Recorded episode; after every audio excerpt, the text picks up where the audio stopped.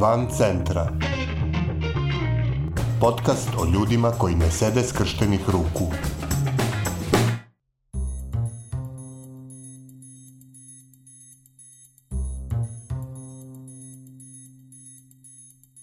Ovo je 123. epizoda podcasta Van centra, koji prati napore ljudi iz cele Srbije da poboljšaju kvalitet života u svojim sredinama.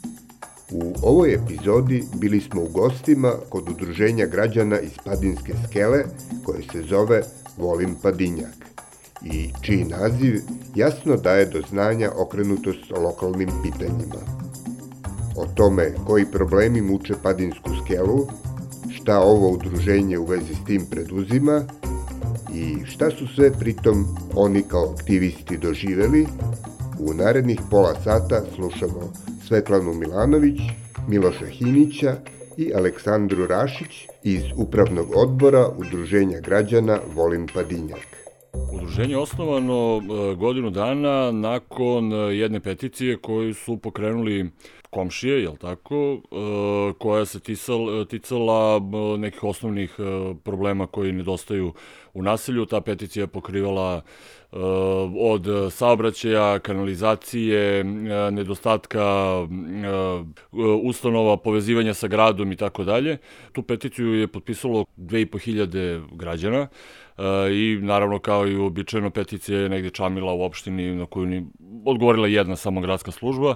Jedna komšenica je napravila Facebook stranicu, kao i Viber grupu sa nekim kontaktima koji su se oko toga vrtili. Jednu godinu dana otprilike se ništa nešto posebno nije, nije radilo na, na tu temu, zato što se sve nekako čekalo da će sada jeli neko da se tu uzbudi oko tih 2500 potpisa. Listajući internet i uopšte neke urbanističke planove koji su se ticali leve obale Dunava, pošto to volim da, da radim i da pratim, naletio sam na jedan plan koji se ticao izgradnje izgradnje e, gasovoda e, od Padinske skele e, do Beograda na vodi. I meni je bilo veoma zanimljivo, pošto sama Padinska skela nije e, gasifikovana, a ja kao mašinac, mašinski inženjer, meni to bilo ovako veoma zanimljivo. I meni to bilo neprihvatljivo, ja sam ono seo između milion drugih nekih tamo postova koje su se vrteli, napišem i post, objasnim sve to, dokumentujem, jer to stvarno tako jeste bilo. Mislim da će se sad taj gasovod ikad napraviti ili neće, to je druga stvar, ali plan postoji. Očigledno para ima, samo te pare ne idu tamo gde mi mislimo da treba. Znači ide u gasifikaciju Beograda na vodi, ne ide u u naš kraj i u gasifikaciju naših kuća da mi ono, imamo ne, nešto normalno. I to je bio, ono, postavio sam post i rekao, da li vi znate nekoga u kraju ko bi mogao da nešto na to reaguje, kako ćemo, šta ćemo da radimo. Napravljeni su neki odmah sastanci i zalufala se organizacija. Vi se kao udruženje bavite e, onim što se dešava na teritoriji mesne zajednice Padinska skela.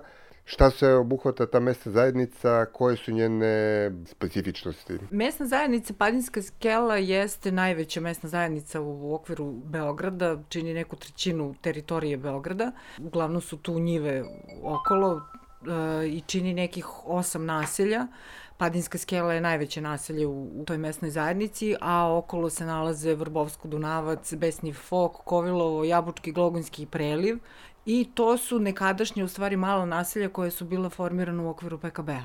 To su bila fantastična naselja pre 30-40 godina kad se PKB brinuo o njima, zato što je, su planski rađena tu su dolazile strane delegacije da vide kako je to sve uređeno, to je sve zaista kuće lepe, vrtići, škole, sve, sve, sve super, super. I sad trenutno računamo da ima oko 15.000 stanovnika. To su uglavnom prvo bila, bili radnici PKB-a, ali kako se iz centra onako polako izmiču ljudi, tako imamo sve više novih ljudi, ima nas raznih. Koji su problemi koji vas muče kao e, mesnu zajednicu, šta je to što pokušavate da rešite? Šta su najkrupnije stvari i teme kojima se bavite? Od kako je u stvari PKB prestao da postoji, tako je prestala i briga o nasilju. U suštini veliki problemi imamo sa kanalizacijom.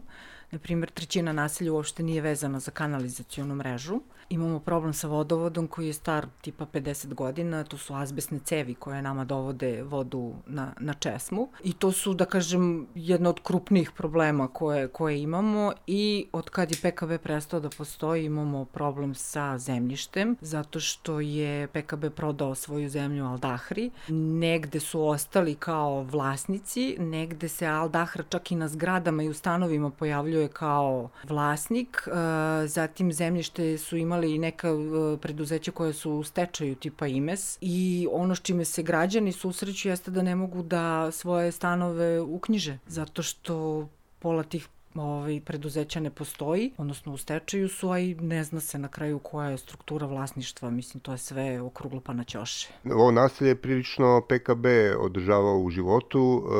E, kad je otišao PKB, šta, od čega ljudi žive? Promenila se malo i e, struktura stanovništva. Znači, kada je nasilje pravljeno kojih već e, godina, to su bili radnici PKB-a. Sada su tu već njihova deca, a deca nisu e, radila automatski u PKB-u, nego su se bavili raznim poslovima po gradu. Sednu na svoj autobus, jednom u sat vremena ili kad već, i onda odu za, ovaj, prvo dođu do Padinske skele, a onda iz Padinske skele idu do Borče, pa onda sednu na drugi autobus, podu na, u Zemun, pa onda ne daj Bože da rade na Čukarici ili tako negde. I i onda tu u stvari nastaje drugi problem, a to je problem prevoza. Sad ti ljudi više ne rad, nije im radno mesto na 50 metara od kuće, nego im je radno mesto u gradu, od koga su udaljeni nekih 30 kilometara, na primjer, sa Dunavca. Imaju, što reče Miloš, autobuse na sat vremena, to je pre strašno, naročito zimi, ti putevi su u katastrofalnom stanju i desilo se baš prošle zime da su 3-4 autobusa 106 izostala i da ljudi 4 sata su bili potpuno odsečeni, nisu mogli da idu na, na posao. A vi ste i e, bez policijske stanice, je li tako? A, nekada je ovde postojala policijska stanica davnih, davnih vremena, međutim, reorganizacijom smo ostali, da, i bez policijske stanice.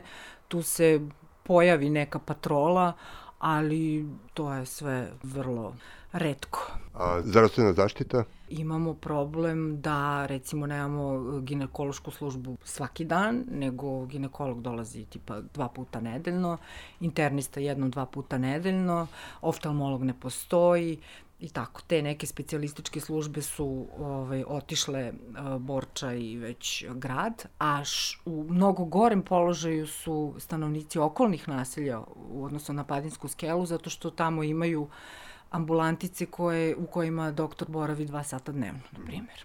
A e, recimo imali smo nekada e, subotom i nedeljom su normalno radile, ovaj, normalno radio dom zdravlja, sad više ni to, mi pedijatra, dom zdravlja nam je nedeljom zatvoren, pedijatra imamo subotom do, do šest, možda čak i to sad više nemamo. Kada smo kod ambulanti, e, prošle godine smo imali jednu odličnu situaciju, jedan post iz Vrbovskog nam je stigao dopis na tu našu stranicu, ovaj, gde su snimljene ovaj, kokoške kako onako kljucaju po ambulanti i tako dalje.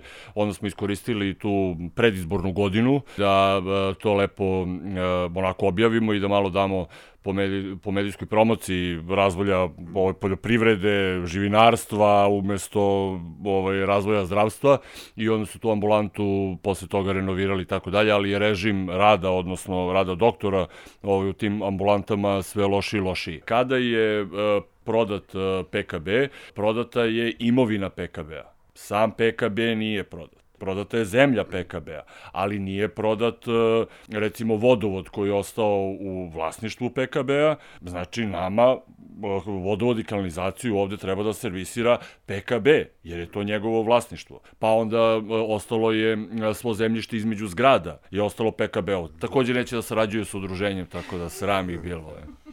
E, ali Aldahra, koliko sam shvatio, hoće? Pa, hoće i neće. Aldahra se uh, pojavljuje ovde, u stvari mi ga doživljavamo kao velikog zagađivača, odnosno ostalo je živih nekoliko farmi i, na primer, u naselju Vrbovsko e, su u meliracione kanale krenuli da izlivaju fekalije iz svojih farmi i 15 km ovaj, postoji e, zagađenih kanala. E, bilo je neki pokušaja kao da se to sredi, međutim to se ništa ne sređuje. Ljudi tamo umiru od, od amonijaka, ne mogu leti da otvore prozore naročito. Ali smo bili na nekih dva, tri sastanka sa njima bilo je nekih pokušaja da počnemo, da normalizujemo odnose i da ukažemo na naše probleme. Nije to samo na Vrbovskom, znači oni imaju teške kamione koji dolaze po njihove de, detelinu koju transportuju dalje, prolaze kroz samo naselje, onda su uzurpirali deo javnih puteva,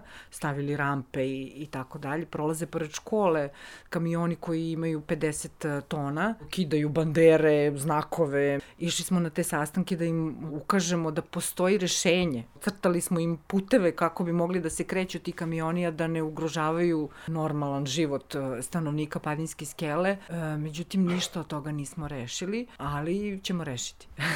dakle, vi ste se osnovali, pritisala vas nužda. E, koje su bile prve akcije koje ste organizovali, kojima ste učestvovali? krenuli smo jako. Krenuli smo jako. Prve neke akcije su bile uh, veliko prolećno čišćenje. A, treba samo da napomenem da je to sve e, bilo negde uh, u jeku korone i da je bilo malo i nezgodno da krenemo još jače. Imali smo dosta ljudi, doš, dolazili su ljudi porodično, Ove, I kad smo videli koliko to dobro ide, onda smo tokom četiri nedelje uspeli da sredimo celo naselje usput e, i autobuska stajališta i oko doma zdravlja. Znači, potpuno smo uglačali celo naselje. Posle toga smo imali, e, sadimo cveće i drveće, gde smo ovaj, sadili lipe, da pričam... Pričaju 52 posađene lipe od kojih je ono preživelo.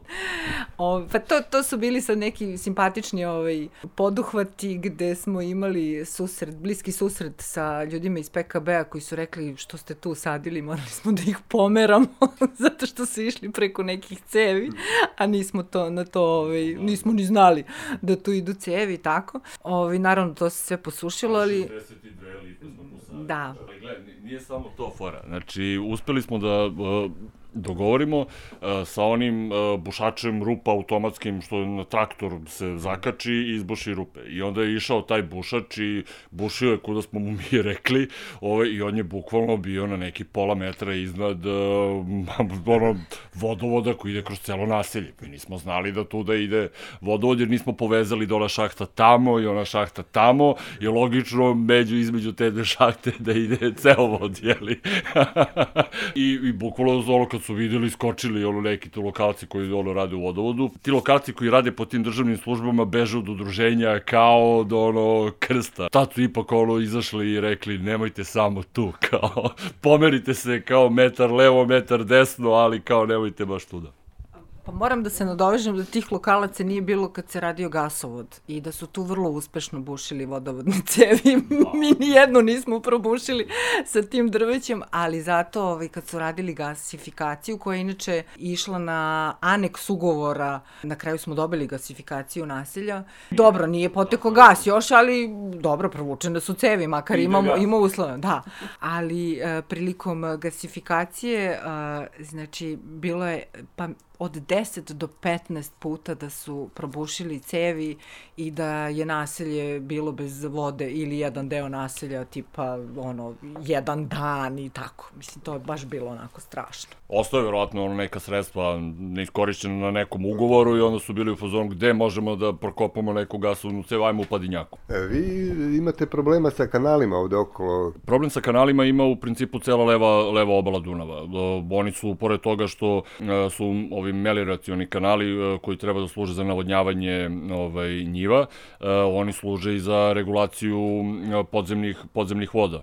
Odavno ti kanali, baš zbog problema sa kanalizacijom, ne služe za navodnjavanje, mi se nadamo da ne služe za navodnjavanje, zato što praktično cela borča, krnjača i tako dalje, ovaj, u te kanale se izlivaju septičke jame, iako mi svi plaćamo, ne znam, vodovod i kanalizaciju koja je zadužena za to, odnosno mi ovde u, na lokalu u Palinskoj skeli to plaćamo PKB-u, koji se sada zove Agroindustrijska korporacija, odnosno AIK. E, oni dolaze i prazne, prazne te septičke jame. Međutim, kako je to pražnjenje neredovno, kako nekad moraš da ih zoveš, da čekaš po 4-5 dana da oni dođu, a tebi, bukvalno ljudima u dvorištu počnu te septičke jame da prelivaju, pogotovo posle neke kiše. Kada se oni ne odazivaju na poziv, onda postoje privatnici koji ti moraš dodatno, pored tog računa koji plaćaš, da dodatno platiš pražnjenje septičkih jama. Taj kanal Vizelj nama prolazi kroz samu padnjansku skelu, on je trenutno jedan ono fekalni, fekalni kolektor. Nekad je to apsolutno onako neka normalna situacija, međutim u nekim danima je,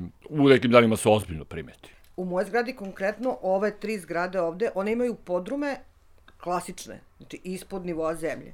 I mi onda imamo problem sa svakom manjom kišom, podrumi se napune vodom, zato što ti kanali više ne vuku vodu ka sebi, ti ko uđeš u podrum i tu je 30 cm do 50 cm vode. Mi primećujemo da se zidovi krive, temelji su mokri.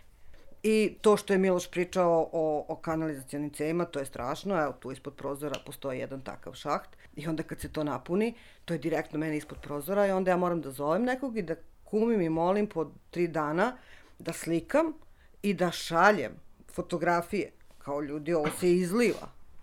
Znaš, kao niko nam to ne reaguje. Imali smo pred par godina situaciju da nam je pukla a, vodovodna cev. Na našu sreću, a, malo ispred onu vodomera, što znači da pripada, da je puklo tamo gde je to pod zašto, a, vlasništvo vodovoda, Trebalo im je 10... Da je u vlasništvu uh, PKB-a. PKB-a, PKB-a. Agroindustrijske da, kombinacije. Njiho, a ne zgradinom. Agroindustrijska kombinacija. je to. To je to. to je najbolje.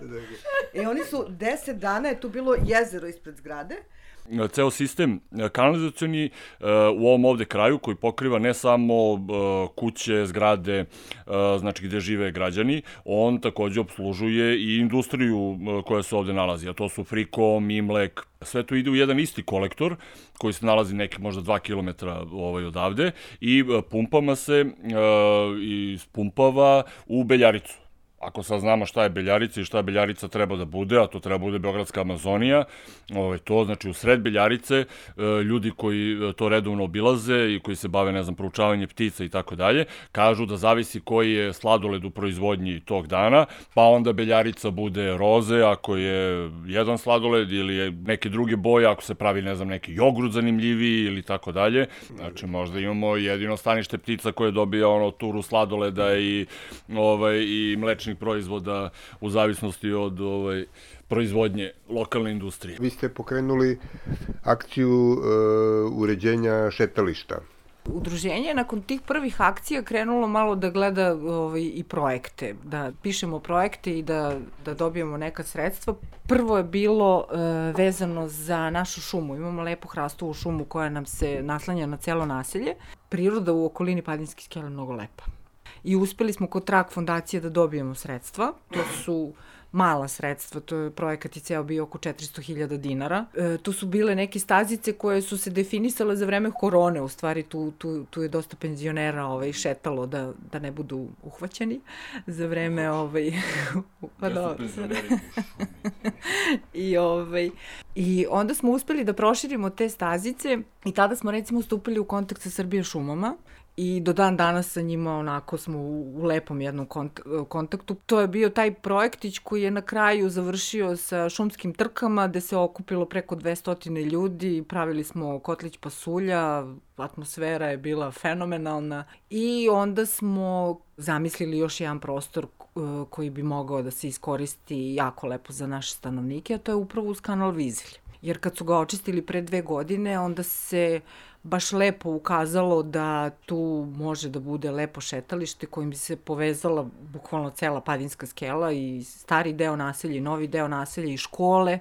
I onda smo uh, poslali mail u Srbija vode, dobili smo poziv od njih, išli smo kod njih na dva sastanka. Uh, rekli su čak da možemo da ih u projektima prikazujemo kao partnere, da ih pozovemo da nam budu partneri. Kad smo kod aktiviranja stanovnika, da li aktivirate i najmlađe stanovnike? Recimo kad smo to organizovali čišćenje padinjaka, tu smo imali puno dece. Onda smo, e, kad su bile e, šumske staze, e, sa školom zajedno osmislili taj deo da te klupe koje smo naručili su prvo otišle u školu, deca su oslikavala te klupe, dece škole, đaci naši, i onda smo organizovali izbor za najlepšu klupu i tako smo ih onako privukli.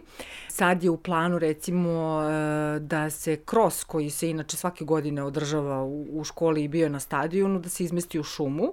Ovaj projekat e, vezan za e, Vizeljak će isto njih da uključi, imamo ih kao partnere, isto ćemo da ih uključimo u oslikavanje klupa. Imamo još jedan projekat e, sa školom, a to je Mali veterinar, gde smo uspeli isto da dobijemo, konkurisali smo e, za opštinski projekat, dobili smo sredstva, gde ćemo decu prvog i drugog razreda, njih 150, da odvedemo na veterinarski fakultet, tu posećuju muzej, imali su neke radionice već u okviru škole vezan za neke aplikacije, to je bilo mnogo zabavno moram priznati da su se tu uključili roditelji i pre svega su se uključile učiteljice koje su fantastične potpuno kako su nas povezale i sa decom i sa, sa roditeljima. I kad budu na veterinarskom, obilaze muzej, imaće isto radionicu vezanu za domaće životinje, e, veterinarski fakultet im je obezbedio mantiliće, znači bit će kao pravi mali veterinari. Proći će ubrzano studiranje, da tako kažem, odnosno e, nakon te posete e, muzeju i te radionice oni će polagati kao ispit, a onda će posle toga da dobiju diplomice.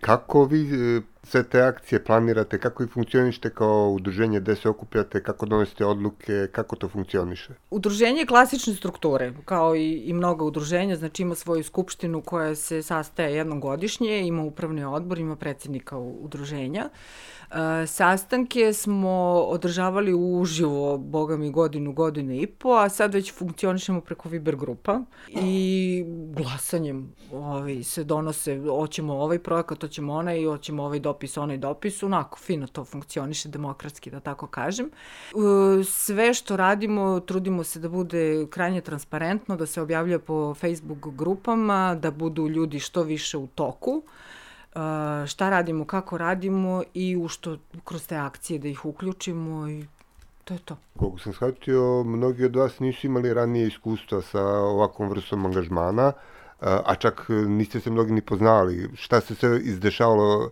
na tom planu za ovih dve godine? Pa, s obzirom da je udruženje nastalo vrlo spontano, dobit za sve nas jeste što smo se mnogo bolje upoznali i što čak i u upravnom odboru sede ljudi koji se pre toga nisu uopšte poznavali i dobro funkcionišemo. Ja, ja u, u, o sebi mogu da kažem da uopšte nisam bila, uh, nisam imala nikakvu predstavu uh, kako funkcioniše udruženje i šta znači aktivizam. Ovo je jedno veliko iskustvo. Imali smo sreće što smo se odmah povezali sa Eko Pančevački rit, a onda je nekako sve krenulo, na primjer povezali smo se i sa Ministarstvom prostora, to smo zaboravili da kažemo, to mislim da je mnogo važno, gde smo e, zajedno sa njima organizovali participativne forume u kojima smo davali u stvari e, svoje viđenje naselja i šta zamišljamo, gde šta treba da, da imamo i na koji način da funkcioniše. E, uz njihovu veliku podršku smo pisali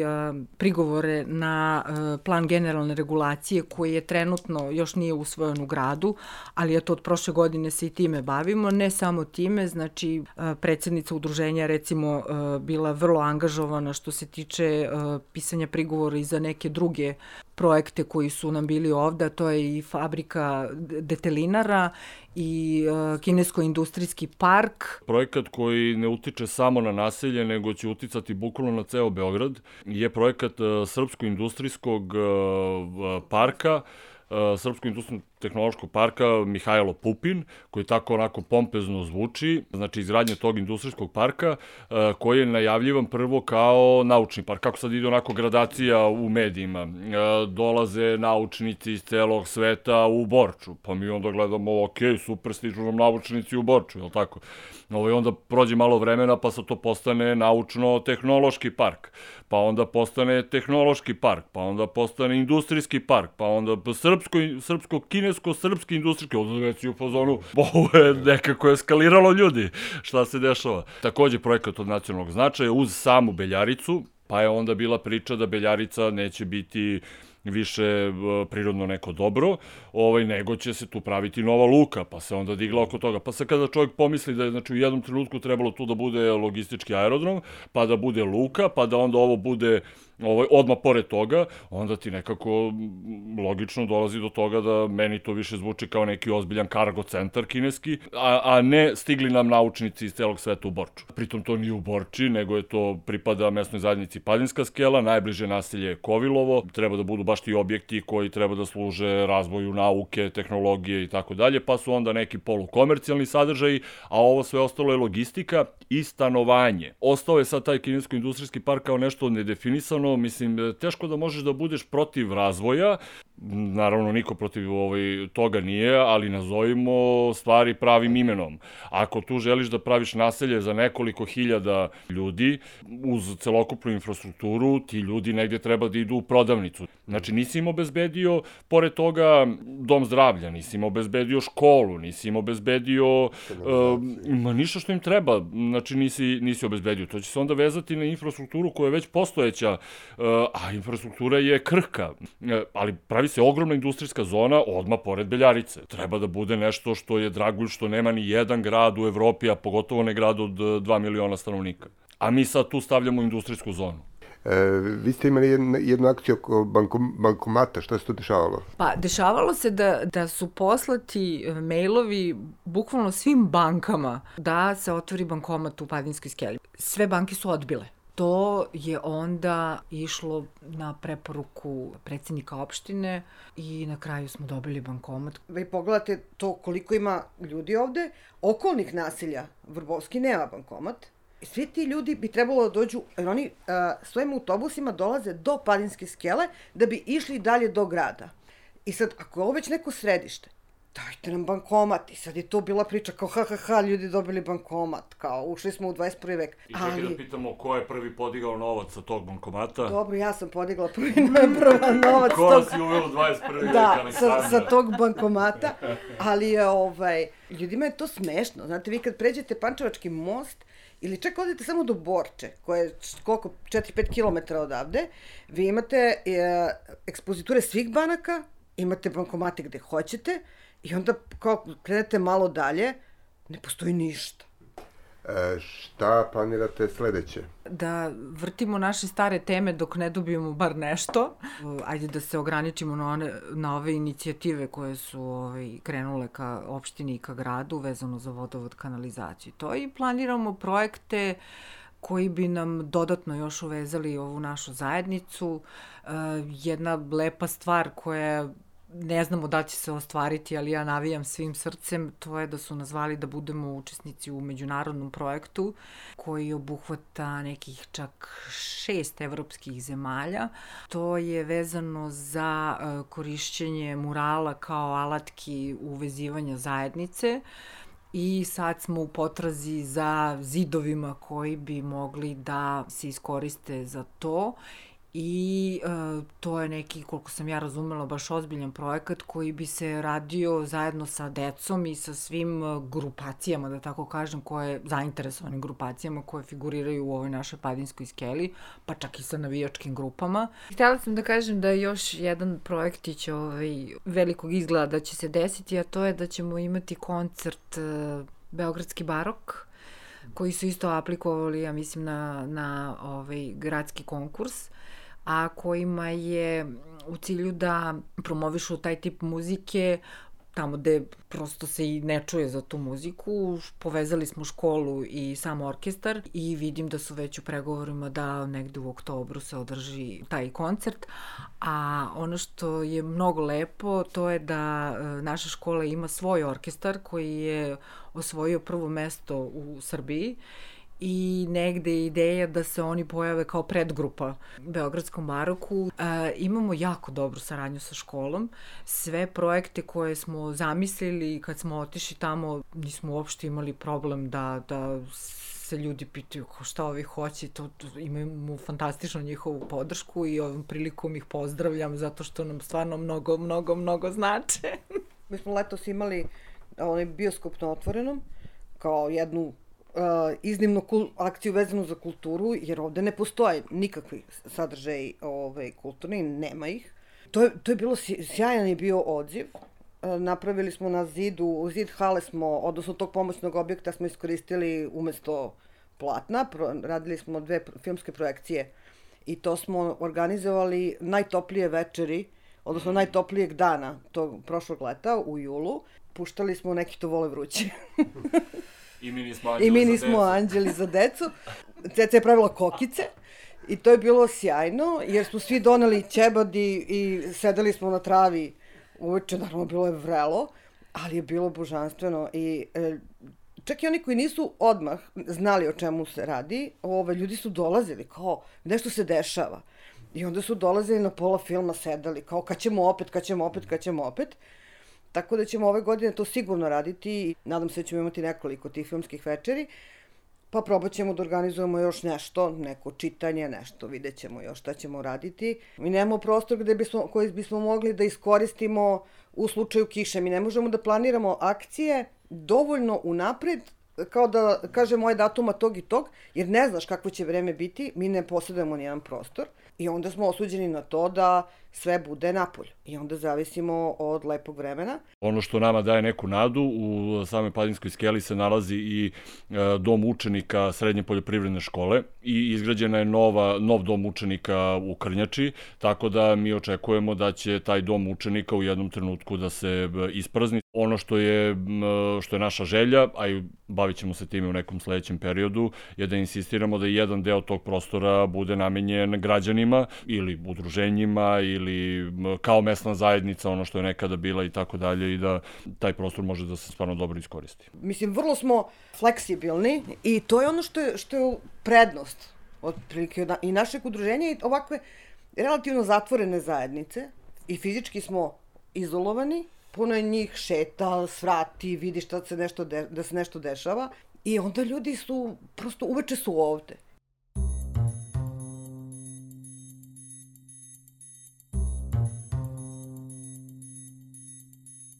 Bila je ovo epizoda Van Centra za 15. mart 2023. godine. Nove priče o ljudima koji ne sede skrštenih ruku moći ćete da čujete u sredu 22. marta. A umeđu vremenu, dok se svet dramatično menja pred našim očima, čuvajte svoj i tuđe živote i ne ćutite pred glupošću i nepravdom. Van Centra je autorski podcast koji se realizuje uz podršku građanskih inicijativa. Stavovi izneti u emisiji nisu nužno stavovi redakcije podcasta Van Centra, niti udruženja građanske inicijative. Redakcija Katarina Đukić, Miodrag Mrkšić i Aleksandar Gubaš. Urednik i voditelj Aleksandar Gubaš. Muzika i Logical Beat i Ben Sound.